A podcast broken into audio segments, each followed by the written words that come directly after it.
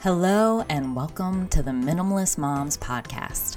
I'm Megan, bringing you the Minimalist Mantra of the Week, a quick five minute episode with a mantra you can think on throughout the week. Me and my podcasting partner Diane are suburban moms trying to make room in our lives for what matters by getting rid of the clutter and living life with purpose.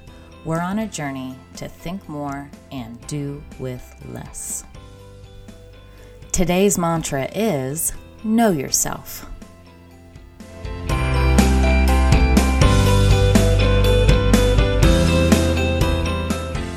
Knowing who you are, what makes you happy, or what fulfills you seems like an easy task. You live with yourself every day. You would think you'd be confident in making statements about who you are.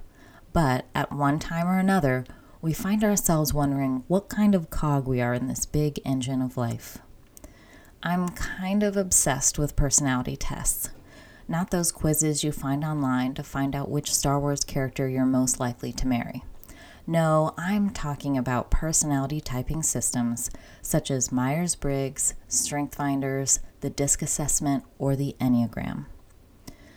I'm fascinated by them because they give me a perspective that is hard to grasp without being shown. They help me discover how I fit into the big picture of our family, workplace, or community. They help me answer questions like Which role should I volunteer to perform on this committee? Should my husband or I handle our personal finances? Why do I get so irritated when my child can't remember to wash their hands after using the restroom? I'd always thought of this process as one in which we had to ask someone else for the answers. We take a test or are evaluated by an expert. However, I'm beginning to think that simplifying our lives can be an exercise in learning about ourselves as well. I was brushing up on the KonMari method of organizing when this quote hit me. When we're caught up in the past and fear for the future, being unable to discard means that we can't see what we need what will satisfy us, or what we're really seeking. It's a sign that our selection standards aren't clear, not only for our relationships with things, but also with people, our jobs, and our lives. That is why our minimalist mantra of the week is Know Yourself.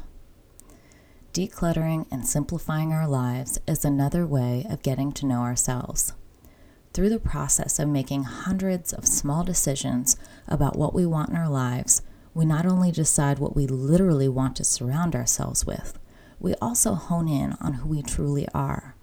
As Marie Kondo put it, we clearly identify our selection standards. We find out what we want for our future and can let go of the past. By making many small decisions, we gain confidence in making the big decisions in life and gravitate towards people, places, and things that will accomplish those goals for us. This week, go forth and know yourself. Trust us, you'll thank yourself for it.